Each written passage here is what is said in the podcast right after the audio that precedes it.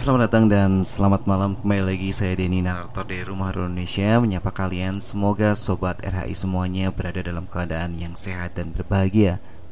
Pada malam hari ini saya akan membawakan dua buah cerita.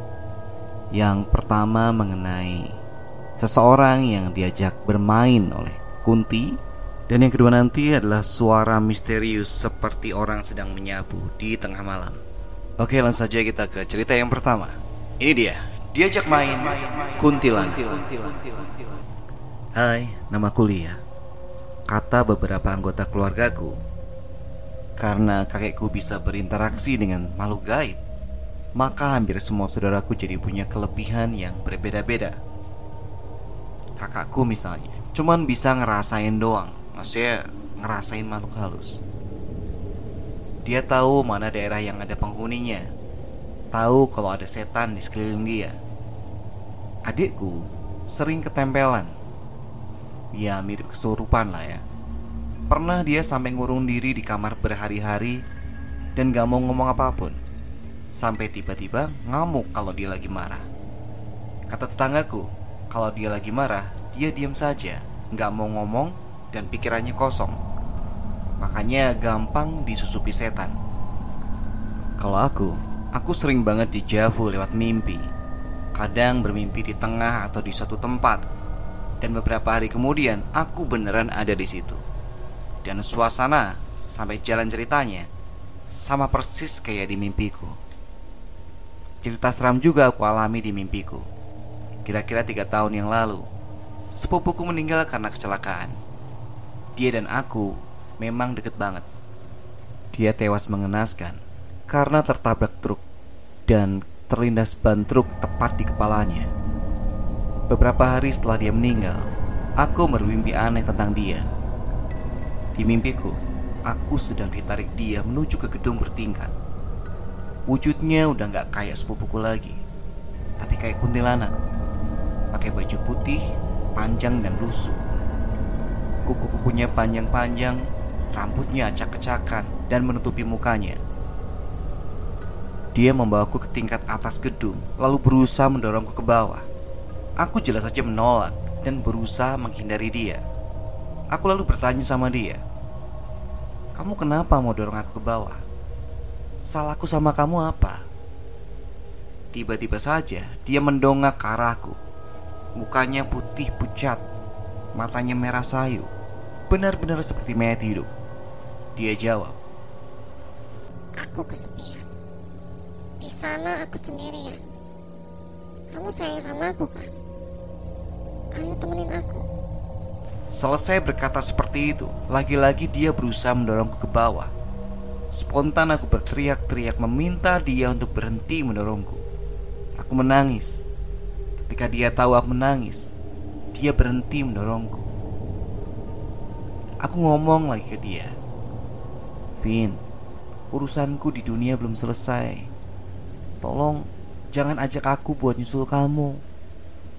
Aku juga sekarang belum nunjukin bakti aku di dunia buat orang tuaku. Aku memang sayang sama kamu. Suatu saat aku pasti nyusul kamu. Pasti. Aku akan nyusul kamu ke surga kalau udah waktunya dipanggil yang maha kuasa. Tenang aja, aku bakal sering doain biar kamu gak kesepian. Dia melepaskan tangannya dari badanku dia cuma tersenyum. Senyum yang persisten. Sama kayak waktu dia masih hidup. Habis itu aku langsung bangun dari tidurku. Butuh waktu berjam-jam buat tenangin diriku Akibat efek dari mimpi buruk itu. Siangnya aku nyeritain mimpi itu ke orang tuaku. Kata orang tuaku Itu bukanlah Vina Sepupuku yang meninggal Melainkan jin yang niatnya pengen cari korban Orang tuaku bersyukur banget karena aku bisa menolak ajakannya. Apalagi waktu itu aku bilang kalau kelak bakal nyusul dia ke surga kalau sudah saatnya. Katanya jawabanku itu sudah sangat tepat untuk mengusir jin itu. Gak tahu itu beneran jin atau bukan. Dan itulah akhir dari cerita yang pertama. Kita langsung ke cerita yang kedua.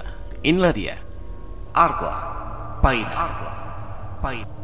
Kejadian ini terjadi sudah lama Hari itu malam Jumat Kliwon Pukul 00 lebih 10 malam saya sedang menonton acara favorit dunia lain. Saya nonton acara uji nyali tersebut bersama kedua sepupu saya. Sebut saja namanya Henry dan Yanti. Sedangkan kedua orang tua dan kakak serta adik saya sedang pergi keluar kota. Nah, di sini Henry dan Yanti malah tertidur di kasur yang sudah mereka siapkan di depan ruangan televisi. Saat itu Henry seperti terbangun dan sedikit mengigau. Sambil memejamkan matanya, dia pun berkata kepada saya yang sedang asik nonton TV. J, siapa yang nyapu malam-malam gini? Igau Henry. Saya melihat Henry bicara, tetapi matanya terpejam. Saya tidak menghiraukannya karena saya pikir dia sedang mengigau atau ngimpi. Setelah beberapa menit, dia kembali berbicara hal yang sama, akan tetapi dengan keadaan mata terbuka dan dia terbangun. Secara spontan, saya menjawabnya. Siapa yang nyapu Sindri? Gak ada suara apa-apa kok. Kamu ngigau tuh. Tak lama kemudian, Henry kembali tertidur. Waktu berjalan seiring acara yang saya tonton pun selesai. Karena acara TV selanjutnya kurang menarik, saya memutuskan untuk tidur bersama kedua sepupu saya di kasur yang sama yang memang muat untuk 3-4 orang. Saat mulai memejamkan mata, samar-samar saya mendengar suara orang sedang menimba air sumur. Kebetulan tetangga saya memiliki kamar mandi dengan sumur di luar. Dan saya pikir mungkin itu tetangga saya yang sedang ke WC untuk buang air. Setelah suara itu menghilang, beberapa menit setelahnya, keadaan sangatlah sunyi. Sial, mata saya sulit terpejam karena saya minum kopi saat saya nonton tadi sehingga membuat rasa kantuk saya menghilang. Tidak lama setelah itu saya mendengar suara seperti seseorang yang sedang menyapu. Dalam hati pun saya berpikir, Astagfirullahaladzim, kok beneran kayak ada orang nyapu di depan? Padahal saat Henry berucap hal tersebut, saya tidak mendengarnya sama sekali. Kebetulan halaman rumah saya adalah pekarangan yang cukup luas dan terdapat beberapa tali tambang terhubung antara tiang untuk menjemur pakaian. Saya tidak menghiraukan suara tersebut. Saya kembali mencoba untuk memejamkan mata. Namun kembali terdengar suara orang beraktivitas. Kali ini seperti seseorang yang sedang memeras cucian basah yang hendak dijemur. Dan suara itu sangat terdengar begitu jelas di telinga saya. Ya Allah, apalagi ini? Apa mungkin itu si Painah? Jadi Painah adalah seorang wanita sakit jiwa atau yang tidak waras dari kampung sebelah yang memang sering melakukan aktivitas kerja di beberapa rumah di daerah kami yang sudah dilakukannya pada malam hari. Sudah bertahun-tahun orang gila ini selalu melakukan aktivitas menyapu, motong rumput di halaman rumah orang. Sehingga apabila pagi hari keadaan halaman rumah bersih itu Ya karena malam harinya si Painala yang telah melakukannya. Dan warga pun tidak mengetahui Alasan orang gila yang satu ini membersihkan rumah orang. Akan tetapi yang saya tahu si Paina sudah satu minggu ini sakit Dan hanya diam di rumahnya. Tetapi logika saya mengiyakan hal itu Untuk mengurangi rasa takut saya Setelah beberapa kali terdengar suara aktivitas seseorang di halaman rumah saya Saya pun beranikan diri untuk menegurnya Dengan bertanya Eh, di situ Paina ya? Sana pulang, udah malam Jangan kerja malam-malam Ganggu yang tidur tetapi yang ada hanya jawaban tertawa sesaat. Setelah beberapa lama, suara itu lenyap dan kembali terdengar suara aktivitas orang yang sedang menyapu. Dan kali ini lebih keras terdengar. Dengan kesal karena saya terganggu dengan suara itu, saya membangunkan Henry untuk menemani saya ke depan.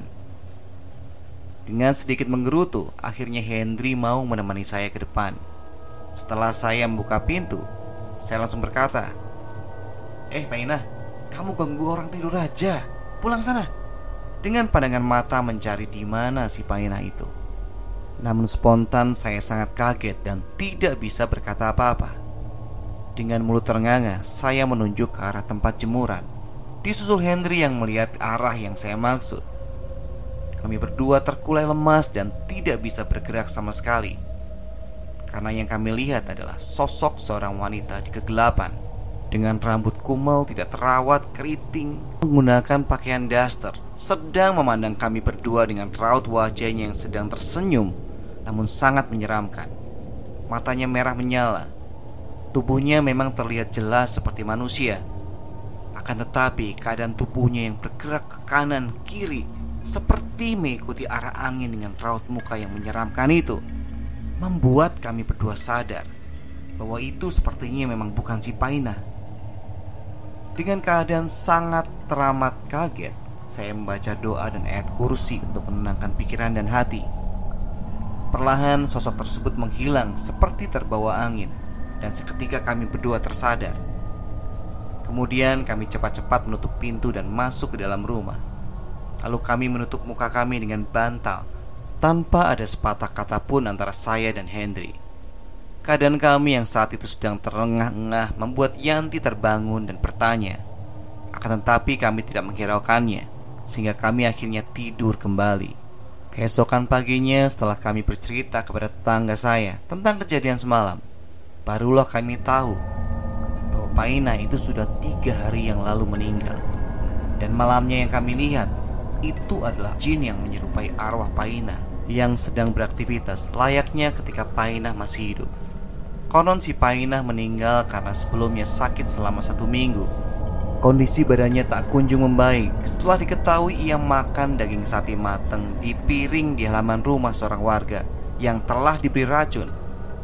Makanan beracun tersebut sengaja untuk menjebak anjing liar yang suka memangsa ternak warga pada malam hari, seperti kelinci, ayam, dan anak kambing. Oke, itu adalah akhir dari cerita kita di malam hari ini. Kalau kalian punya cerita mistis atau pengalaman horor, kirimkan saja ke denny.ristanto 1104@gmail.com. Semoga kalian terhibur dengan cerita tadi. Sampai ketemu di cerita berikutnya. Selamat malam. Selamat beristirahat.